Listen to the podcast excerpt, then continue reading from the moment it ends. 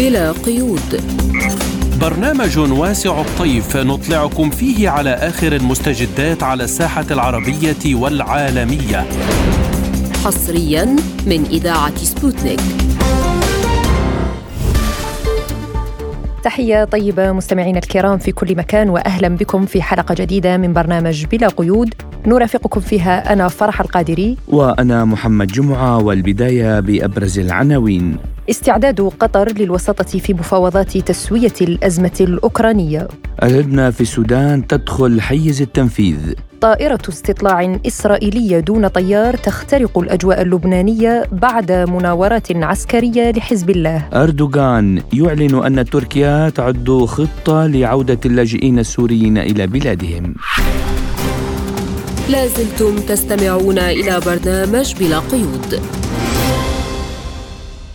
ونبدأ الملف بتواصل القتال في منطقة بيلغورود الروسية لليوم الثاني على التوالي حيث قالت السلطات الروسية إن جماعة مسلحة عبرت من أوكرانيا إلى المنطقة ما أدى إلى اشتباكات هناك أسفرت عن إصابة عدد من الأشخاص. قال حاكم المنطقة فياتشيسلاف غلادكوف إن وزارة الدفاع الروسية ووكالات إنفاذ القانون تواصل تطهير أراضي مقاطعة غريفورونسكي في منطقة بيلغورود من مجموعة تخريب واستطلاع أوكرانية الذين اخترقوا المنطقة هناك عن هذا تحدث رئيس الرابطة الدولية لقدام المحاربين في وحدة مكافحة الإرهاب ألفا سيرجي غونشاروف Наверное, не имея серьезных удач, я бы так сказал, на фронте, بعد عدم تحقيق نجاحات جادة على الجبهة تحولت أوكرانيا منذ فترة طويلة إلى ما يسمى بحرب العصابات. هذه أعمال تخريبية وهجمات إرهابية وجرائم قتل. ما تفعله الآن إدارة الأمن الاستراتيجي ومديرية المخابرات الرئيسية في أوكرانيا والخدمات الخاصة لدول الناتو على أراضي بلدنا. هذا بالإضافة إلى الأعمال العدائية على خط المواجهة. لدينا مشكلة خطيرة. حتى لو شننا هجوما على الخطوط الأمامية فإن هذه المشكلة ستزداد. لقد أخذنا أرتيوموفسك حيث أظهروا ما هي الإمكانات المتوفرة لديهم. إذا اعتقد شخص ما أن أعداءنا فقدوا الرغبة في قتل الروس كما قال كيريل بودانوف رئيس الاستخبارات في أوكرانيا فهو مخطئ تماما. فهذه الرغبة ستبقى لديهم لفترة طويلة بدلا من قوات الحدود التي كانت في الاتحاد السوفيتي. لدينا الآن خدمة حرس الحدود مع طاقم أصغر وأسلحة أقل. نتيجة لذلك ليس لدينا القوة والوسائل الكافية لحماية الحدود كما كانت في أيام الاتحاد السوفيتي بشكل عام ولكن الاختراق في منطقة بلغورود يشير إلى وجود أوجه قصور يجب القضاء عليها. إذا لم نتمكن من منع مثل هذه الاختراقات بشكل كامل على حساب دائرة الحدود على ما يبدو فنحن بحاجة إلى إنشاء فرق من الناس لمساعدة حرس الحدود.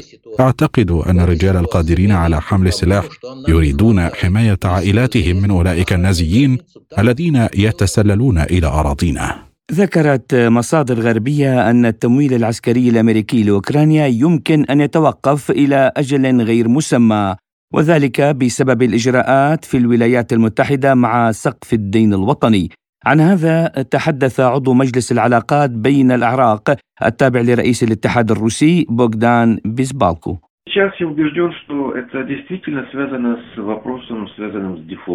أنا مقتنع بأن هذا مرتبط بالفعل بمسألة التخلف عن السداد.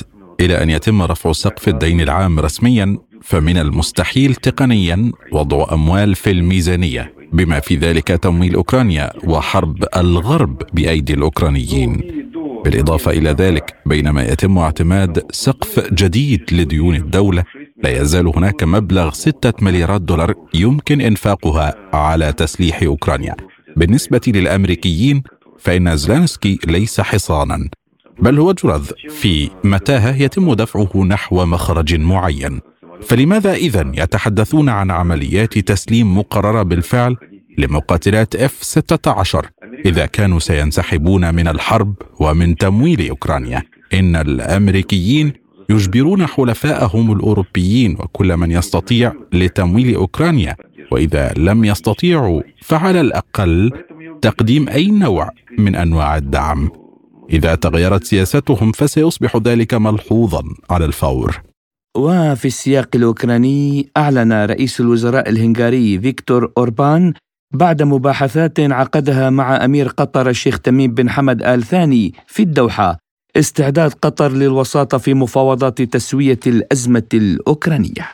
وأكد أن بلاده وقطر متفقتان على الانحياز إلى معسكر السلام وتأييدهما للمساعي الرامية لإنهاء الأزمة الأوكرانية بالطرق الدبلوماسية. وشدد أوربان على دعم هنغاريا لجميع مبادرات السلام الهادفة لإنهاء الأزمة الأوكرانية. وفي المغرب أعلن وزير الخارجية المغربي ناصر بوريطة عقب لقاء مع نظيره الأوكراني أن المغرب يتخذ موقفا محايدا من الأزمة في أوكرانيا وينظر بقلق شديد من هذا الصراع لأنه يؤثر على الأمن والاستقرار الإقليميين وله عواقب اقتصادية سلبية بما في ذلك بالنسبة للمغرب. إذا للحديث أكثر عن هذا الموضوع نستضيف الخبير بالعلاقات الدولية الدكتور محمود لافندي. أهلا بك دكتور محمود في بلا قيود. وأبدأ معك بإعلان رئيس الوزراء الهنغاري فيكتور أوربان عن استعداد قطر لأن تصبح وسيطا في المفاوضات بشأن أوكرانيا. ما نوع خطة السلام التي تستعد الدوحة لتقديمها؟ وما مدى نجاح هذه الوساطة؟ أول شيء يسعد أوقاتك آه، أستاذ محمد وانسي فرح والاخوه المستمعين. طبعا بسبب خروج الاتحاد الأوروبي والولايات المتحده الامريكيه وخروجه من الحياد من الحياد الدولي ودخولهم في معركة مع روسيا أو ضد روسيا آه، يعني أصبحت ليس هناك أي دول حيادية. يعني حتى سويسرا اللي هي تقريبا حافظت على حيادها 200 300 400 سنة كانت حيادية بالحرب العالمية الأولى والثانية. الآن اتخذت آه، في بداية العملية العسكرية اتخذت قرار لطرف أوكرانيا. فغياب الدول الأساسية اللي هي محايدة من قرنين أو ثلاثة أدى لظهور دول أخرى ومبادرات أخرى من دول أخرى.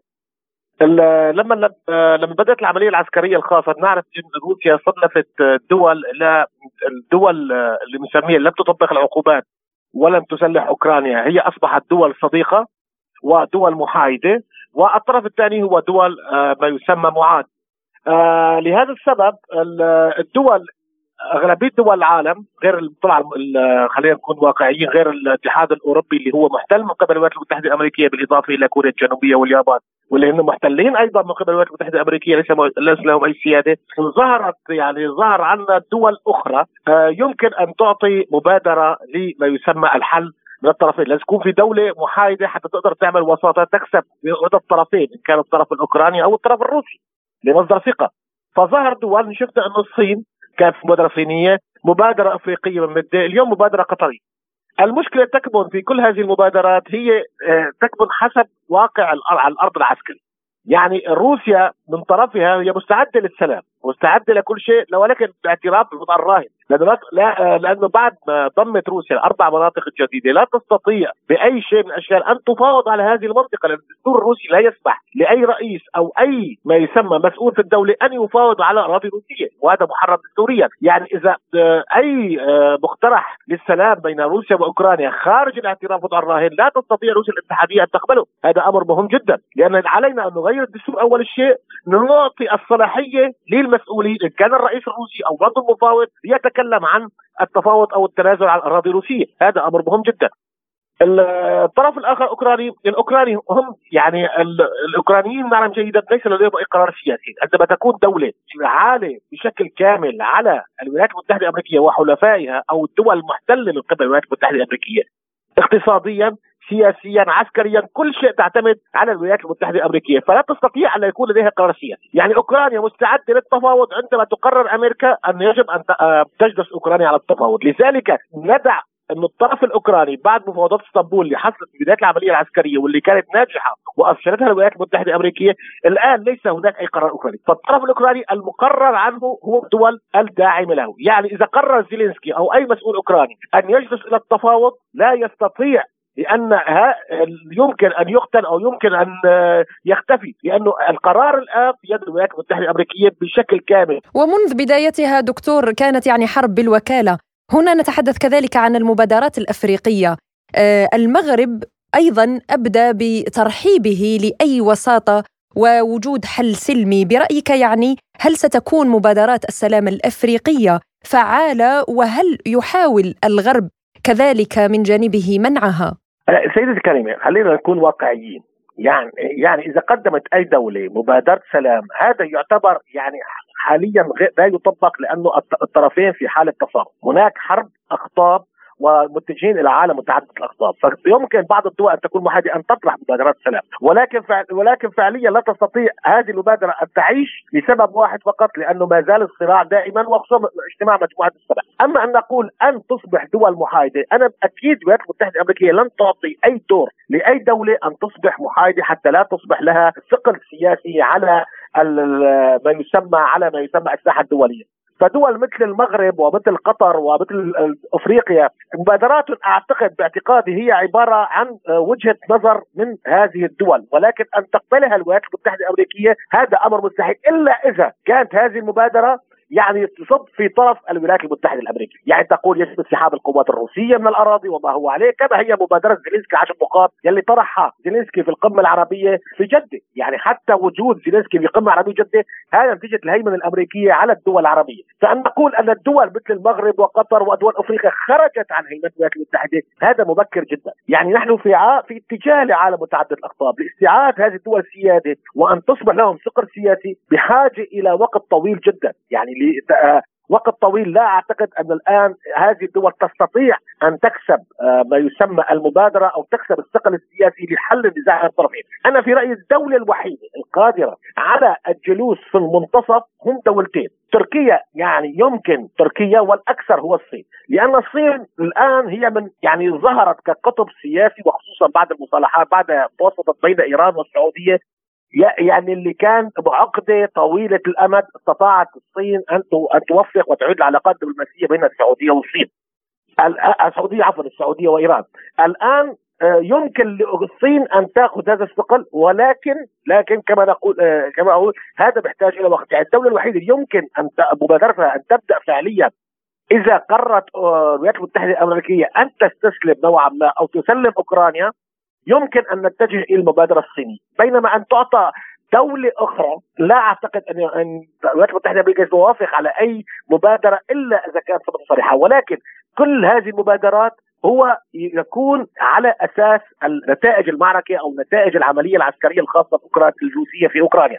يعني كله بيعتمد كل المبادرات وكل تفاوض بيعتمد على ما يحدث على الأرض، إذا كان في تقدم روسي وتراجع أوكراني يمكن يعني نقول أن الولايات المتحدة الأمريكية يمكن أن تسلم أوكرانيا، ولكن إذا هناك 1% من الولايات المتحدة الأمريكية أن أوكرانيا مستعدة لما يسمى الحرب حتى آخر أوكراني، يمكن أن نقول أن أن لا تصبح أي أمل في أي مبادرة، فالقتال من الآن حتى يعني حتى اليوم حتى يومنا الآن القتال هو حتى نهاية آخر جندي أوكراني. عندما ينتهي آخر جندي أوكراني يمكن للولايات المتحدة الأمريكية أن توافق بعض المبادرات وتعطي الدور لمن تريد. أن هذا رأيي أكيد. يعني تعطي الدور لمن تريد ان تظهر دول أخرى ما زالت تحت هيمنه الولايات المتحدة الأمريكية. أن تخرج بقوة. أنا برأيي الولايات المتحدة الأمريكية لن تسمح بذلك. يعني المبادرات على مبدأ شد الحبل ورخي الحبل. عطل قطر والمغرب وأفريقيا. لأنه الآن دكتور محمود لاحظ رئيس الوزراء البريطاني ريشي سوناك قال أن المبادرات السلمية التي لن تؤدي إلا إلى تجميد الصراع في أوكرانيا هي مبادرات خاطئة.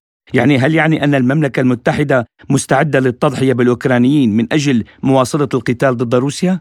أنا بعد سقوط باخموت وعدم تأخير العملية العسكرية المضادة الأوكرانية هناك يعني نوعا ما خيبة أمل في في الطرف الغربي. يعني خلينا نرجع بس للتاريخ. لماذا انتعشت الدول الأوروبية وحلفائها والولايات المتحدة الأمريكية انتعشت واستمرت في الصراع؟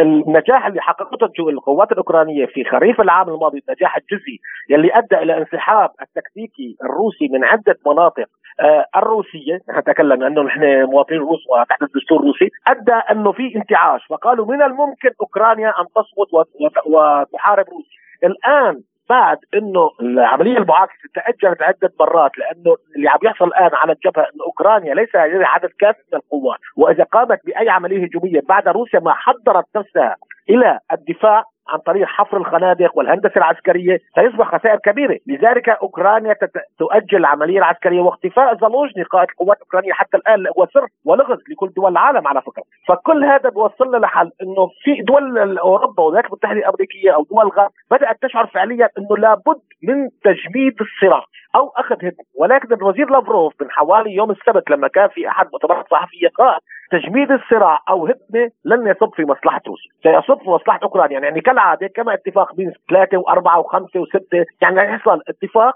تجميد الصراع على أمل أن يحدث مفاوضات. في هذا الوقت تعيد أوكرانيا قوتها وتعيد الأسلحة ويجربوها على الطائرات حتى تخرج في معركة أو تحارب مرة أخرى.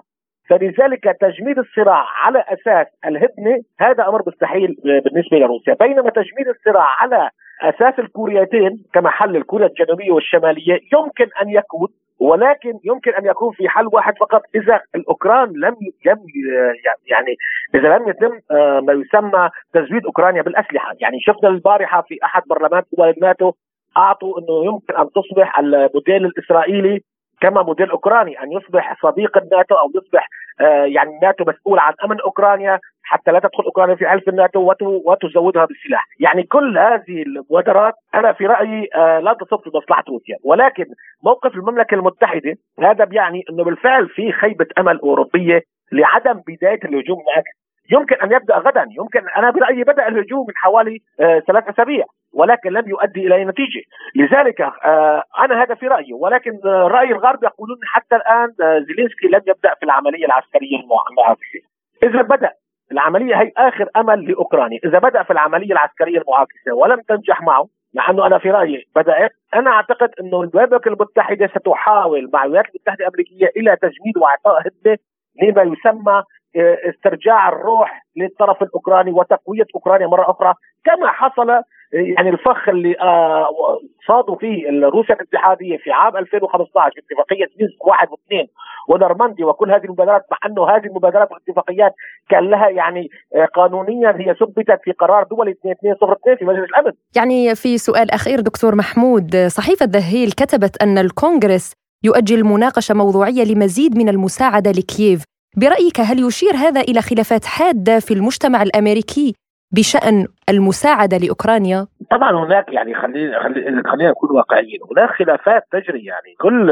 الوسط الأمريكي والوسط الغربي حول مساعدة أوكرانيا وما ما مدى يعني ما يعني ما ما هي النتيجة من مساعده اوكرانيا؟ ليس هناك أي نتيجة، فهناك أيضا في خلافات وهناك نعلم جيدا أنه الآن نحن أمام معركة انتخابية قريبة جدا. يعني القادمه في انتخابات أمريكية وسيسبقها ما يسمى انتخابات الأحزاب، يعني هذا كله بيعني أنه هناك في خلافات. والملف الأوكراني يكون حاضر على ما يسمى ملف الأوكراني يكون حاضر على الانتخابات، يعني شفنا أنه تصريحات الرئيس ترامب الأخيرة اللي قال أنه فيه بإمكانيته ب 24 ساعة ينهي الحرب بين أوكرانيا وروسيا فسئل كيف؟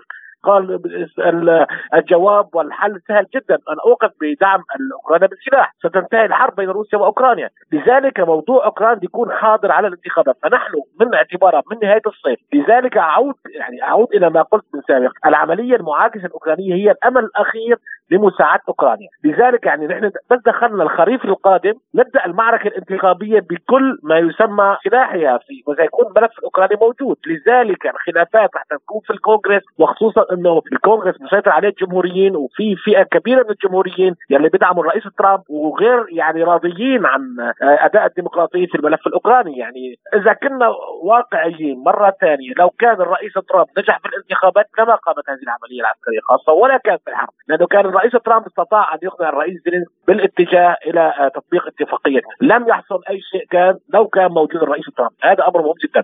قدوم الرئيس بايدن على السلطة هو أدى فعليا لأن الرئيس بايدن وحزب الديمقراطيين الأمريكيين هم مهندسين الميدان الأوكراني وهم مهندسين دعم دعم أوكرانيا. فالملف الأوكراني مستحيل أن يكون خارج. فكل الآن التصريحات و التصريحات الموجودة في الأمريكية. بالفعل الملف الأوكراني فيه ملف خلاف بين الحزبين بين الجمهوري والديمقراطي وبين السياسيين نفسهم حتى داخل الأحزاب نفسها. يعني حتى الديمقراطيين في ديمقراطيين غير لم يرضوا عن أداء أمريكا في الولايات المتحده الولايات المتحدة الأمريكية في أوكرانيا وبالإضافة إلى الجمهوريين. يعني في جمهوريين أيضا يدعموا الرئيس بايدن. آه لذلك يعني المعركة الانتخابية أو الانتخابات القادمة الأمريكية الملف الأوكراني هو بيكون يعني سيرجح من سيفوز في الانتخابات. هذا أمر مهم جدا. لذلك آه حتى يعني إذا رأينا اجتماع الدول السبع سأعطيك إحصائية صغيرة اجتماع الدول السبع إذا قارنا بالدعم الشعبي لهذه الرؤساء أكثر شيء الدعم كان لميلوني وزراء ايطاليا 45 وكله تحت ال 30 و25% من من 40 إلى 25% أقل شيء الرئيس ماكرون مدعوم شعبيا حسب الإحصائيات أو ما يسمى إحصائيات الداخلية لهذه الدول. لماذا كل هذا التنازل في ما يسمى النخبة السياسية الأوروبية أو الغربية؟ لأن الشعوب والسياسيين أيضا غير راضيين عن ما يحصل في أوكرانيا الآن وعن دعم الغرب الدعم الغرب السخي لأوكرانيا وزيادة الصراع ويمكن أن يؤدي إلى حرب عالميه فهذا أمر مهم جدا. نعم نشكرك الخبير بالعلاقات الدولية الدكتور محمود الأفندي. كنت معنا من موسكو. شكرا لهذه المداخلة. شكرا انسي فرح وأستاذ محمد. لازلتم تستمعون إلى برنامج بلا قيود. وإلى السودان دخلت الهدنة بين القوات السودانية وقوات الدعم السريع حيز التنفيذ بهدف السماح بإيصال المساعدات الإنسانية. ويفترض أن تستمر الهدنة سبعة أيام قابلة للتجديد تنفيذا لاتفاق وقعه ممثلو الجيش السوداني والدعم السريع يوم السبت بمدينة جدة بوساطة سعودية أمريكية. وأبلغ الطرفان الوسطاء السعوديين والأمريكيين التزامهما بعدم السعي وراء ميزة عسكرية خلال فترة الإخطار البالغة 48 ساعة بعد توقيع الاتفاقية وقبل بدء وقف إطلاق النار. أعلنت قوات الدعم السريع ترحيبها بتوقيع الاتفاق مع الجيش السوداني الذي أكد أنه يقتصر على الجوانب الفنية والعسكرية وإجراءات حماية المدنيين ولا يشمل أي أوضاع سياسية. من جانبه أعرب نائب وزير الخارجية الروسي ميخائيل بوغدانوف عن استعداد روسيا للمساعدة في حل الأزمة في السودان وإن لزم الأمر توفير منصة للمفاوضات. جاء ذلك في تصريحات لبغدانوف على هامش قمة روسيا والعالم الإسلامي في قازان وأضاف أن روسيا تعارض التدخل الأجنبي في الشؤون السودانية ويجب على السودانيين حل مشاكلهم بأنفسهم. للحديث أكثر عن هذا الموضوع ينضم إلينا عبر الهاتف عضو الآلية الوطنية لدعم التحول المدني الديمقراطي في السودان الكابتن عادل المفتي. أهلا وسهلا بك أستاذ عادل في برنامج بلا قيود وأبدأ معك من الهدنة الإنسانية بين أطراف النزاع المسلح في السودان آه، بحيث أنها دخلت حيز التنفيذ والتي ستستمر مدة سبعة أيام، هل برأيك سيكون هذا هو المفتاح لبدء عملية تفاوض كاملة بين أطراف النزاع؟ ممكن أن تؤدي إلى إنهاء الأعمال القتالية برأيك؟ نحن الآن كان عندنا مؤتمر صحفي وأنا برسل لك المؤتمر الصحفي باللينك. وتشوفوا هذه الآلية هي من وطنيين سودانيين. آه هم دارين يكونوا جزء من العملية بتاعت وقف الحرب دي ولأنه الأطراف السياسية الفترة السابقة كانت متنازعة. ونحن كان جينا زي عملنا آه آه منصة للحوار الوطني السوداني آه السوداني. والكلام ده من 2022 يعني عندنا الآن أكثر من سنة بنحاول نجمع المدنيين كل المدنيين المتخاصمين وبدون أي نوع من الفرز. وعلى الأقل ان إحنا لأنه دولتنا دي إذا حصل فيها أي نوع من الاقصاء من طرف إلى آخر فدي واحدة من الحاجات اللي هي سببت جزء من الحرب دي. ونحن نتمنى إن شاء الله المرحلة القادمة أن إحنا يكون عندنا كوطنيين سودانيين دور أكبر. لأنه أنت ملاحظ ان إحنا عندنا ال ال يعني المجتمع الدولي والإقليمي آه، بيحاول بيساعدنا لكن نحن كان ما ساعدنا نفسنا في الأول ما في زول بيساعدك. فانت أنت هيلب آه، آه، يعني هيلب يور في الأول وبعد ذاك اترك المجال المجتمع الدولي يساعدك في الحاجات المفروض يساعدك فيها في تعمير الدولة وبناء من جديد وكذا. على هذا الأساس ال ال الآلية الوطنية لدعم التحول المدني الديمقراطي أنا أفتكرها إن شاء الله حتكون جزء فاعل جدا في الاستمرار في العملية اللي أنت ذكرتها الآن. هذه السبعة يوم نحن دارينها تكون شعار نعم. دارينا إنه نحن نفتح كل الممرات الإنسانية ونتصل بالمنظمات آه أنتم ذاتكم ك يعني كإعلاميين. وأنا متأكد جدا حيكون عندكم أيضا دور كبير جدا في آه نشر الموضوع الآلية ده ونشر كيف نقدر نساعد الأهل الموجودين الآن في السودان. لأنه العالم ما بينفصل من بعض. على هذا الأساس أنتم كمان عندكم دور إعلامي كبير جدا إنه نشر رؤية الآلية ورؤية أن إحنا دايرين كسودانيين نقعد مع بعض نحل مشاكلنا مع بعض. عايزين أن إحنا أيضا كسودانيين آه، نبعد المجتمع الدولي اللي عنده أجندات غير الأجندة الوطنية حقتنا وعنده مصالح لكن ما بيهمه المصلحة الوطنية السودانية. ده كله نحن دايرين نفرز بين ال ال الناس اللي فعلا عايزين يخدموا بلادنا ودايرين يخدموا شعبنا لأنه الجراحه الآن الموجوده الآن الحاصل الآن في السودان يعني حاجة أنا أفتكرها ما يعني يعني غير محتملة الآن. نحن نتمنى إنه آه، يعني العالم كله يسودوا العدل ويسودوا السلام ويسودوا الحرية ويسودوا إنه ما يكون في مشاكل بين الناس. أي نعم هي حتكون في حروب وحتكون في مشاكل لكن نقلل منها. عشان كذا الأساس الأساس تم الآن بوقع إطلاق النار نحن من المنطلق ده يعني نشكر ال ال ال القائمين على هذا الأمر وخاصة المملكة العربية آه، السعودية آه، بقيادة خادم الحرمين الشريفين ولي عهده وأيضا كل وشعب المملكة العربية السعودية وأيضا كل الناس اللي قدموا لنا الاغاثات في الفترة الماضية. واللي عندهم الرغبه إنه يساعدونا في التعمير. فنحن نفتح ايادينا ونفتح قلوبنا على أساس إنه يكون ال أول حاجة يكون في جلوس للسياسيين السودانيين في حوار سوداني سوداني.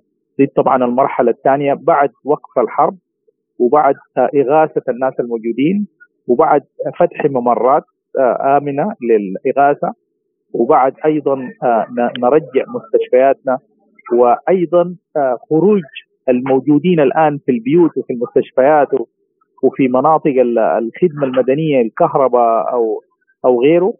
فديل إذا طلعوا من داخل البيوت أنا أفتكر الشعب السوداني على الأقل الناس الموجودين في الخرطوم بيقدروا يستعيدوا حياتهم. الآن سلبت منهم بين يوم وليلة يعني في ساعة إنه حياتهم سلبت منهم. وكل الناس الآن ال ال ال الناس اللي هاجروا أو سافروا أو لجوا إلى بلدان أخرى نحن نقول لهم إن شاء الله بإذن الله تعالى الحرب تجيب وترجعوا لبلدانكم سالمين بإذن الله تعالى ونقدر كلنا مع بعض. أستاذ عادل الآن روسيا تبدي استعدادها للمساعدة في حل الأزمة السودانية، إذا لزم الأمر ألا يؤدي ذلك برأيك إلى تضارب المصالح خاصة مع الولايات المتحدة؟ والله أنا أنا ذكرت في مقابلة سابقة إنه ال ال نحن العالم الآن آه، بقى ما أحادية زي زمان. العالم الآن متعدد الأقطاب نحن كل ما نشوف إنه في مصلحة وشخص جاينا أو بلد كروسيا جايانا إنه آه، تساهم في حل هذه المشكلة وتساهم إنه ال ال الأسلحة تجيف إذا دخلت عن طريقه وجاية من مناطق هي تبعها. ده كلام أنا بقوله لأنه ما في حاجة مؤكدة لكن بقول إذا كذا كان من الولايات المتحدة الأمريكية وكلام من روسيا وكذا نحن عايزين كل الناس دي تساعد وعايزين نحن ذاتنا الحرب الروسية الموجودة في أوكرانيا تجيب ويعم السلام كل أرجاء العالم. وده طبعا دي احلامنا نحن كجيل ونحن نتمنى الاجيال الجديدة أنه الحاجة اللي بنعمل فيها دي نحن حنورث أجيالنا دمار وحنورث أجيالنا خراب. وده لا يرضيه الله سبحانه وتعالى ولا أيضا المجتمعات المتحضرة الآن ولا حقوق الإنسان ولا حد يرضى إنه آه، يكون في بلده في آه، حروبات أو يكون في مشاكل. نحن دارين نعمر السودان ده عشان نقدر نبقى سله غذاء العالم زي ما بيقولوا زمان. السودان عنده أراضي خصبة لكن هذه الأراضي الخصبة تكون مصالح مشتركة. نحن روسيا ما عندنا معها أي نوع من الخلاف بالعكس. نحن والله نحب دائما يعني كل هذه البلدان الكبيرة الكبيرة الآن يعني اللي عندها قدرات كبيرة وهائله تستثمرها معنا في الزراعة وتستثمرها معنا في الثروة المعدنية وفي المياه وكذا. على الأقل شعوب العالم حتخط لقدام في مشاكل وخاصة مشكلة المياه لقدام. و و و والآن بعد الحرب الأوكرانية حيكون في برضه فجوه كبيرة جدا غذائية. أنا أفتكر السودان قابل بأنه يكون هو سله غذاء العالم إن شاء الله. ونحن نقول لإخواننا في روسيا نحن جاهزين لكم كشعب سوداني تحلوا تتدخلوا في أي مشكلة ولكن بمصالح مشتركة مصالح السودانيين وأيضا نوقف دعم أي طرف من الأطراف.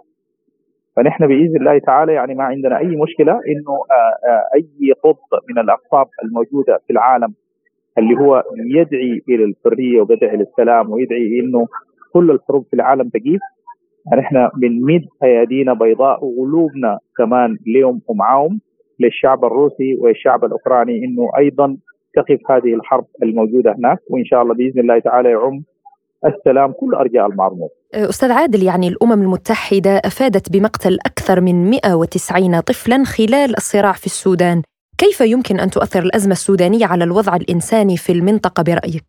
وطبعا نحن الوضع الإنساني الآن آه، إذا ما تدخلت الدول المانحة ومنظمات حقوق الإنسان والمنظمات آه، اللي بتدعم كان الغذاء أو كان الصحة أو العلاج وخاصة المنظمات اللي بتهتم بالطفل أنا أفتكر حيكون عندنا مشاكل لقدام لأنه أي حرب عندها إفرازات ثالثة أي حرب في الدنيا إفرازات السالبة دائما بتقع على كاهل المواطنين وتواكل الشعوب المدنيين. على هذا الأساس عند الآن الأمم المتحدة وكل منظماتها عندها آه، يعني واجب إنساني كبير واجب إنه لازم تتدخل بأسرع ما يمكن. وأيضا القرارات بتاعت الأمم المتحدة إذا كانت هي بتجي بصوره آه، يعني آه، دارين نقول سلبية أو بتكون بطيئة فحيتضرروا الناس أكثر يعني إحنا وضع التحليل الناس تحلل الآن وتقول وتقول والله يا أخي المشاكل اللي حصلت في القطاعات الفلان إحنا دايرين بدورة طوال الامم المتحدة تقوم بدورة الحقيقي لأنه نحن السودان جزء من هذا المجتمع الدولي وجزء من هذه المنظمة الدولية. طالب حميدتي قائد قوات الدعم السريع سكان دارفور بوقف الاشتباكات. برأيك أستاذ عادل ما هي الشروط اللازمة لإنهاء الخلافات القبلية؟ ابدا الآن الآن كان في آه في عقلانية في آه المجتمع الدارفوري بعد ما قامت هذه الحرب. طوالي اجتمع كل شيوخ القبائل والعمد والنظار والناس المسؤولين من قبائلهم اللي هو بيقدروا يعني آه، يدوهم بعض التعليمات يقبلوها منهم لأنهم مش هم يعني داخلين كبصفة مع طرف أو ضد طرف آخر لكن هم عايزين يحموا منطقتهم. فأنا أفتكر دي واحدة من الحاجات المهمة جدا. وأنا أتمنى إنه هذه الدعوة اللي قدمها آه، حميتي إلى دارفور يقدمها أيضا إلى الخرطوم لأنه نحن كلنا أهل بعض. ما في آه، يعني أنت أهلك من دارفور تطلب إنه والله يكون السلام في دارفور فقط لكن تطلب إنه آه، توقف هذا الحرب الآن الموجودة الآن. ونطلع تطلع الناس كلها من من مساكن السودانيين العايشين في الخرطوم لأنه في كثير من من قوات الدعم السريع موجودة داخل الأحياء وداخل المساكن. وأنا أفتكر كان هذه الدعوة أيضا توجه لاخواته بإنه آه، ينسحبوا من آه، منازل المواطنين ولا يتعرضوا للمواطنين العزل بأي شيء كان بنهب أو بسرقه أو بإذلال أو حتى تفتيش في الشوارع. أنا أفتكر آه، هذه الدعوة دعوة كويسة جدا لمنطقة دارفور لكن ليس شاملة. اتمنى هذه الدعوة تتم لقوات الدعم السريع أو القوات الموجودة الآن الموجودة داخل منازل المواطنين فلازم تكون هذه دعوة مماثلة من قائد آه، الدعم السريع. عضو الآلية الوطنية لدعم التحول المدني الديمقراطي الكابتن عادل المفتي كنت معنا ضيفا كريما شكرا لكم. لازلتم تستمعون إلى برنامج بلا قيود. ونستمر معكم مستمعينا الكرام في أخبار منطقة الشرق الأوسط حيث أفادت وسائل إعلام لبنانية بأن طائرة استطلاع إسرائيلية دون طيار من نوع امكا خرقت الأجواء اللبنانية من فوق مزارع شبعة ونفذت طلعات استكشافية على علو متوسط فوق قرى العرقوب المشرفة على المزارع انطلاقا من محور تلال سدان العباسية في منطقة حصبية امتدادا على سماء الغجر وعين عرب في منطقة مرجعيون من جانبه طالب رئيس الوزراء اللبناني نجيب ميقاتي مجلس الأمن الدولي ببذل جهود لوقف دائم لإطلاق النار على الحدود والضغط على إسرائيل للامتناع عن خرق المجال الجوي اللبناني. وقال بخصوص المناورات العسكرية لحزب الله إن الحكومة ترفض أي مظهر يشكل انتقاصا من سلطة الدولة وسيادتها مضيفا أن الإشكالية المتعلقة بموضوع سلاح حزب الله تحديدا ترتبط بواقع يحتاج إلى وفاق وطني شامل. قال المتحدث باسم الجيش الإسرائيلي أفيخاي أدرعي عبر حسابه على تويتر إن مناورة حزب الله في جنوب لبنان تتحدى بالمقام الأول الحكومة والدولة اللبنانيتين والتزاماتها. لمناقشة هذا الموضوع أكثر نستضيف معنا الخبير بالشؤون السياسية الإسرائيلية الدكتور أكرم عطلة. أهلا وسهلا بك وشكرا لتواجدك اليوم معنا في بلا قيود. ونبدأ مباشرة مما يحدث في الأجواء اللبنانية يعني طائرة مسيرة إسرائيلية برأيك ماذا سيكون رد فعل السلطات اللبنانية؟ ولماذا يجري حزب الله اللبناني مناورات عسكرية في هذا التوقيت تحديداً؟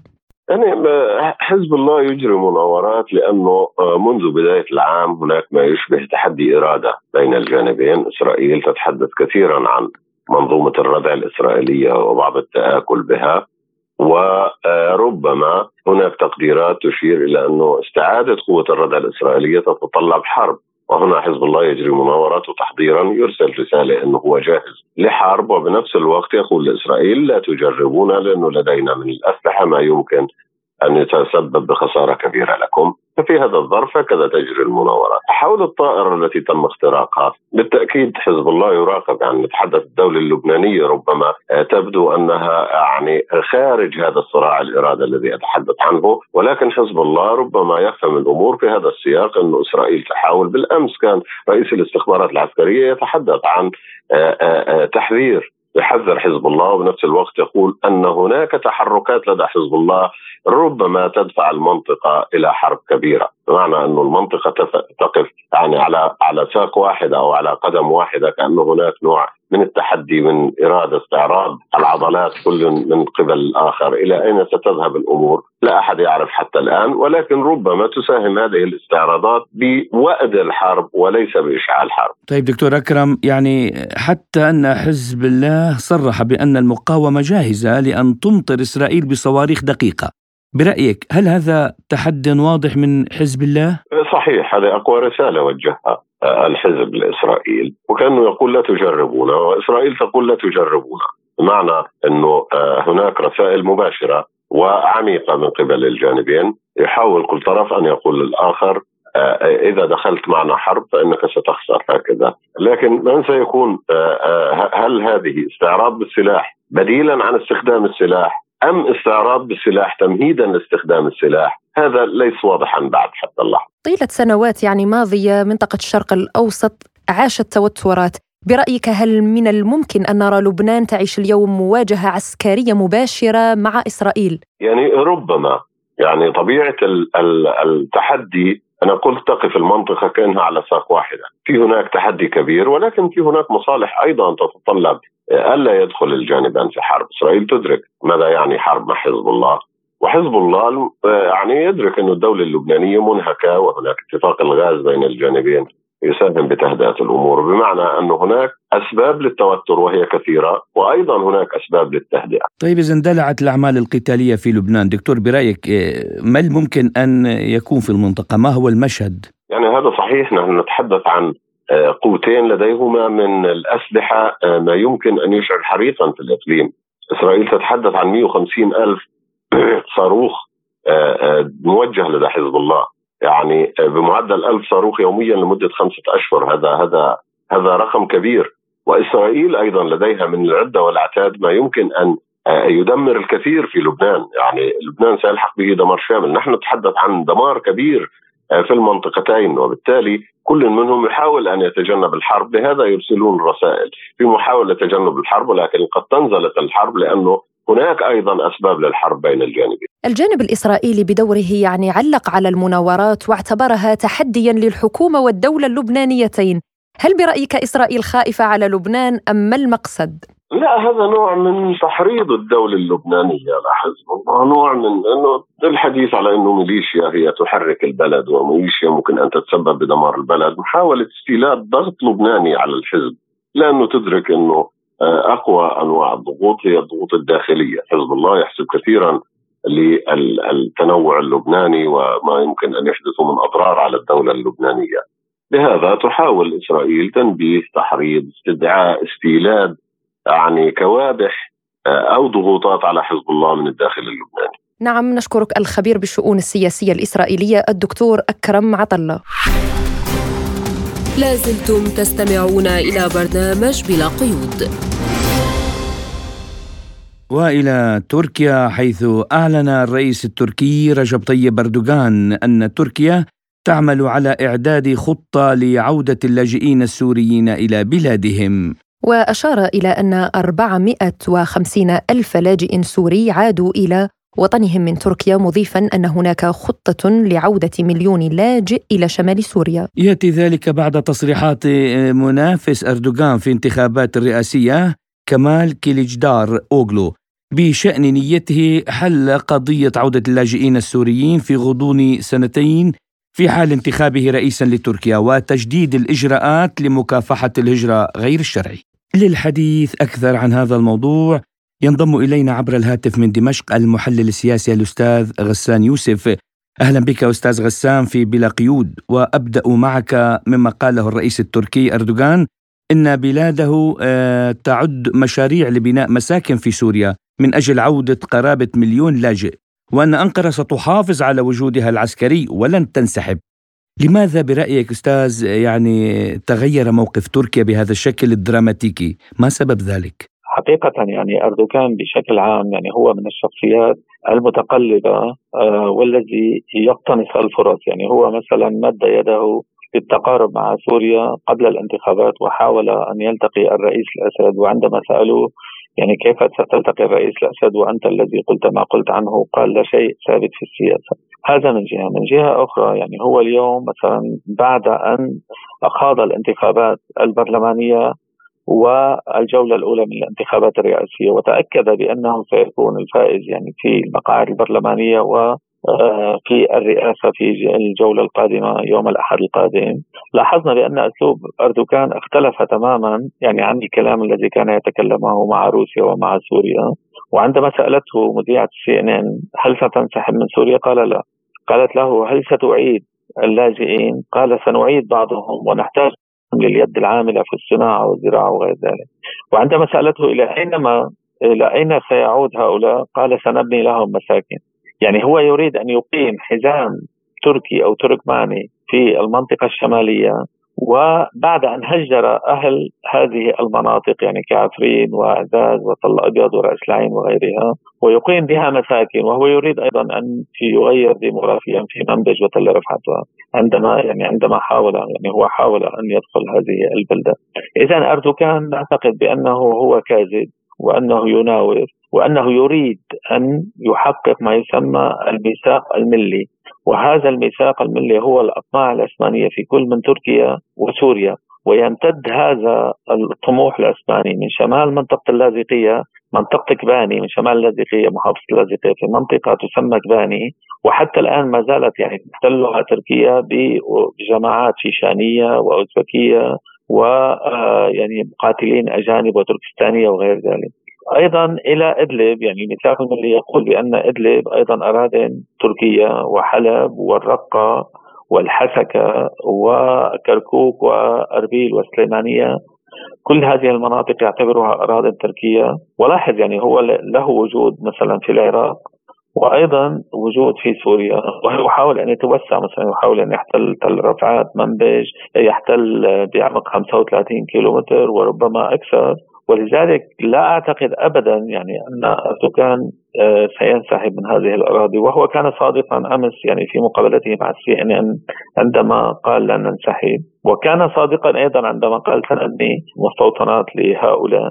ولكن أنا أقول لك يعني إذا كانت آه، روسيا هي التي تقود هذه الوساطة بين سوريا وتركيا فعلى روسيا أن تدرك أنه آه، يعني آه، لا يمكن اقامه تغيير ديموغرافي آه، في المناطق التي احتلتها تركيا. هذا من جهة. من جهة أخرى لا يمكن لسوريا أن يعني تتفاوض مع تركيا على لا شيء. يعني إذا كان التفاوض لن يجدي انسحابا مثلا وتفكيك للمجموعات الإرهابية وسيطره سوريا على المناطق السورية لماذا التفاوض؟ إذا كان أردوغان لديه هاجس وهو آه، وجود قسد في المنطقة الشرقية فأعتقد آه، بأن من مصلحة أردوغان أن يتعاون مع الدولة السورية لأن الخطر مشترك يعني التفكك والانقسام لن يبقى فقط في سوريا. يعني خطر الأكراد موجود في تركيا. ولذلك إذا أراد هو فعلا أن يتعاون مع الدولة السورية عليه أن يتعاون معها في المنطقة الشمالية الغربية يفكك جبهة النصرة يفتح طريق الانفور ينسحب يفكك المجموعات الإرهابية يرحل المقاتلين الأجانب تبسط الدولة السورية سيطرتها العودة إلى اتفاقية أضنا إلى ما قبل 2011 إذا لم يقم أردوغان بهذه الخطوات أعتقد بأنه لن يكون هناك أي تقدم ولن يكون أمام الدولة السورية إلا اعتبار يعني تركيا دولة محتلة وهذا ما تؤكده أدبيات السياسة السورية. آه، تشجيع المقاومة آه، في كل المناطق التي تحتلها تركيا. وهذا حق مشروع لسوريا باعتبار أن لديها أراضي محتلة من تركيا. كما أن لديها أراضي محتلة من الولايات المتحدة ومن حقها أن تقوم بمقاومة ضد المحتل الأمريكي. لذلك أمام تركيا خيارين أما الانسحاب وأما أن تبقى سوريا مغلقة يعني في وجهها آه، باتجاه دول الخليج العربي والدول العربية وأن تقوم يعني آه، سوريا بدعم مقاومة مشروعة في آه، كل المواثيق والدولية. أنا أعتقد بأن أردوغان كان يناور وأن أردوغان يعني حتى الآن لم يقم بأي خطوة يعني أنت يعني أردوغان عندما آه، عندما قمت مثلا بالاتصال مع الرئيس بوتين وقلت أنا مستعد للقاء الأسد وتجاوزت الدولة السورية يعني سواء اللقاءات الاستخباراتية أو لقاء مثلا نواب الوزراء أو وزراء الدفاع أو وزراء الخارجية إذا لم يكن هناك انسحاب تدريجي أو جدولة انسحاب أو جدولة تفكيك مجموعات إرهابية فعلى ماذا سنتفاوض؟ سنتفاوض على أن تقوم ببناء وحدات سكنية استيطانية في مناطق لسكان ليست لهم. سنتفاوض على أن تبقى أنت تحتل الأراضي السورية. سنتفاوض على آه، أن آه، نساعدك في قتال أسد. وأنت يعني تدعم مجموعات إرهابية قاعدية أصبحت إدلب اليوم بحسب Foreign Policy أكبر قاعدة إرهابية في العالم. قتل فيها اثنان من قادة داعش. وأيضا يعني ما زال الجولاني يقع في آه، إدلب ويقيم إمارة إسلامية أنا أعتقد بأن الأمور اتضحت بأن أردوغان كان يناور وهذا لا يخفي إذا لاحظت آه، بأنه دائما يتحدث عن لا شيء ثابت في السياسة. أستاذ غسان يعني سوريا اليوم كما نراها عادت إلى الجامعة العربية. كيف برأيك ستتعامل الجامعة العربية مع التواجد التركي الذي لا يريد أن يغادر سوريا؟ أنا أعتقد بأن الدول العربية جميعها تدعم آه، الموقف السوري. ولاحظت يعني حتى في البيان الختامي أشاروا إلى الوجود التركي الاحتلال التركي والأطماع التركية. وهذا ما أزعج يعني آه، تركيا لكن اليوم المطلوب من الدول العربية أن تقف إلى جانب سوريا آه، في المحافل الدولية بإدانة الاحتلال التركي والاحتلال الأمريكي. وأنا أقول لك بأن يعني الدول العربية بشكل عام هي ترى في تركيا خطر آه على آه يعني الدول العربية جميعها، يعني لاحظ الازرع التركيه موجودة في العراق، في سوريا، آه في ليبيا، تحاول من خلال الاخوان المسلمين تدخل في مصر، في الجزائر، في تونس، أيضا في اليمن، يعني دائما آه، في السودان في الصومال يعني كل الدول العربية تعاني من التدخل الإخواني. لذلك يعني لاحظت كلمة الرئيس الأسد في القمة تكلمت عن الأطماع العثمانية بنكهة إخوانية وهذا صحيح. يعني هناك مشروع عثماني. المشروع العثماني يعني مدعوم ب أيضا آه، إيديولوجيتين. الإيديولوجية الأولى هي الإخوانية والإيديولوجية الثانية هي الطورانية القومية التركية. التي تريد أن تمتد حتى يعني آه، وسط آسيا. ولذلك يعني حتى الآن تركيا لم تقتنع بمعاهدة لوزان. ولاحظ يعني أن الرئيس التركي رجب طيب أردوغان انتقد معاهدة لوزان كثيرا. ولنتذكر بأن يعني اليوم نحن نعيش الذكرى المئوية لقيام الدولة التركية على يد مصطفى كمال اتاتورك ولذلك هو أردوغان يريد أن يقول بأنني أنا سأمزق معاهدة لوزان أنني أنا سأنهي عهد العلمانية آه، في تركيا الذي آه، التي أتى بها كمال آه، مصطفى كمال أتاتورك. واليوم سنبدأ عهد جديد عهد الدولة الإسلامية الداعشية القاعدية. لاحظ يعني مثلا انتخابات 88% كانت نسبه الانتخابات. أنا أعتقد بأن هذا كان صراع بين العلمانية والإسلاموية التي أتى بها أردوغان والعلمانية التي يعني تحاول أن تقف على رجليها ولكن آه، يعني ما أتى به أردوغان من إيديولوجيا إسلامية متطرفة إخوانية ربما يعني لاحظ مثلا أنه في قبل الانتخابات البرلمانية تحالف مع حزب الدعوة الكردي هدبار وهذا الحزب يعني هو من الأحزاب آه، يعني آه، لنقل عنها الراديكالية الإسلامية المتعصبة المتطرفة. لا أيضا هو تحالف مع حزب حزب الرفاه. يعني وهذا الحزب يعود إلى آه، نجم الدين أربكان وغير ذلك. ولذلك لاحظ يعني كان هناك انقساما واضحا يعني بين الإسلاموية والعلمانية. ذلك اليوم آه، يعني هو آه، لديه أطماع في سوريا. يحاول أن يحقق هذه الأطماع آه، يحاول أن يأخذ بالسياسة ما لم يأخذه في الحرب ولكن لنكن صريحين لولا يعني أن يكون هناك مصالح لروسيا مع تركيا لما استطاعت تركيا أن تطأ الأراضي السورية. ولكن السياسة فعلت فعلها أنا أتذكر يعني عندما كان أردوغان مثلا آه، في بداية الحرب آه، قال أحد مسؤوليه لا أتذكر اسمه قال لم نستطع أن ندخل حتى طائرة ورقية بسبب وجود روسيا. لكن مسار اسيتانا والاتفاقات التي حدثت ويعني قيام مراكز مراقبة ودخول القوات التركية وبحجة أنها مؤقتة وغير ذلك أنا أعتقد بأنه خدع الروس وأنه خدع الإيرانيين وأنه خدع العالم كله واليوم يحاول أن لا يخرج من تلك المناطق. لكن هل ستبقى سوريا مكتوفة الأيدي؟ أنا أقول لك لن يحلم باستقرار في تلك المناطق. على الرغم يعني من أن آه الاحتلال آه معروف في كل أنحاء العالم سيزول ولذلك يعني هو يحاول أن يثبت أقدامه آه، في هذه في هذه المناطق آه، الشمالية من سوريا. المحلل السياسي الأستاذ غسان يوسف كنت معنا ضيفا كريما من دمشق شكرا لكم. لازلتم تستمعون إلى برنامج بلا قيود.